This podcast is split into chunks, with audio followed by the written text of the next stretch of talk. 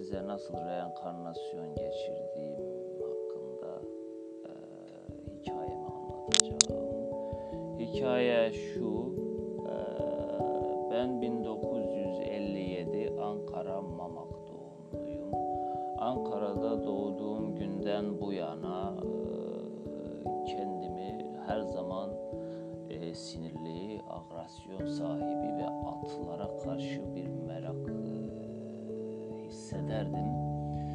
Ta ki bundan 3 hafta öncesine kadar.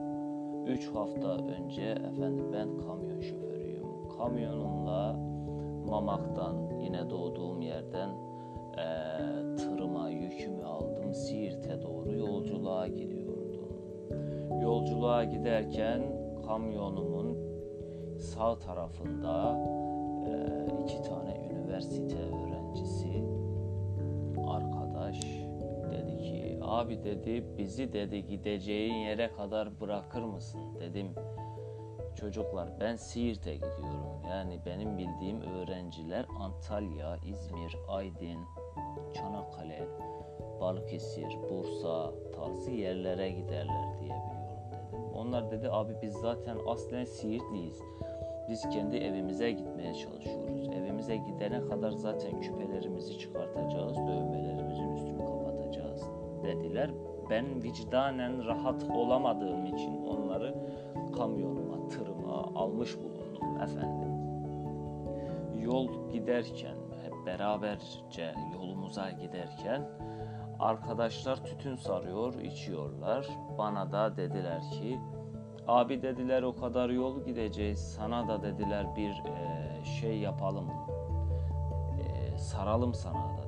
Ben de sarın çocuklar içeyim dedim. Ben normalde ilk sigaraya Maltepe ile başlamışım. Yani benim boğaz soba bacası gibidir. Yani kurum bağlamıştır. Bana komaz diye düşündüm. Tütün ne kadar bana koyabilir yani. Bir Adıyaman tütünü beni ne kadar irite edebilir diye düşündüm. Efendim arkadaşlar esrar içiyorlarmış. Bana da uzattılar. Dediler abi bu boş değildir, doludur dediler. Ben de dedim ki o kadar yol gideceğiz.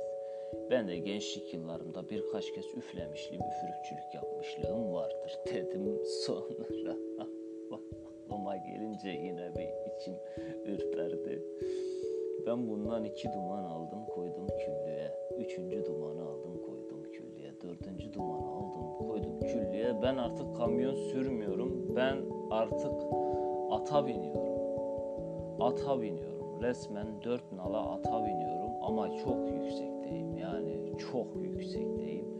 Kafamın içinde atlar koşturuyor, kılıçlar çekiliyor. Ben o gün reenkarnasyon geçirdiğimi hatırladım bilinç altım dışarıya kendini vurunca ben dedim ki ben önceden, önceki hayatımda süvariydim. Yaşadığım bütün anılar aklıma geldi. Bütün anılar. Ama nasıl aklıma geliyor? Atlar koşturuyor. Kılıçlar çekiliyor. Her yer süvari. Bu arkadaşlar indi ben dedim. Herhalde kafası geçince bu düzelir ama süvarilik yıllarım aklıma geliyor. Yani böyle kendimi tutamıyorum. Süvariyken evlendiğim kadın aklıma geldi. Yani ben de tam evlilik arefesindeydim. Üç hafta önce kadına evlenme teklif etmek için diz çökmek gerekti. Bunu beceremedim. Çünkü benim içimdeki dürtülerim, benim içgüdülerim bir kadına diz çökmek değil. Ben süvariyken evlenme teklifi kadının yüzük parmağı kesilerek kadın da senin serçe parmağını lime lime ederek yapılırdı. Süvarilik gelenekleri bu. Geleneklerimiz ölmüş. Diz çökmek mi kaldı? Diz çökmek nereye kaldı? Derken efendim süvarilik yıllarında gelenek buydu. İşte yüzük parmak kesilir. O senin serçe parmağın doğranır gelin tarafından Gelinin babası senin ayak serçe parmağını yalar ve konu kapanırdı. Buradan devlet büyüklerine sesleniyorum. Lütfen özellikle Okçular Vakfı'na sesleniyorum. Lütfen artık bir süvari vakfı açılsın. Biz süvari reenkarnasyona uğramış insanları olarak Orada oturup anılarımızı dinlemek istiyoruz. Anılarımızla efendime söyleyeyim yüzleşmek istiyoruz. Geçmişimizle geleneğimizi yaşatmak istiyoruz. Çok fazla bir şey istemiyoruz. Ben Facebook'ta bir grup kurdum. Eskiden süvari olan insanlar diye. Şimdi bir bakıyorum ki 5 kişi olmuşuz. 5 kişi olmuşuz. Eğer 10 kişi olursak vakıf açabiliriz.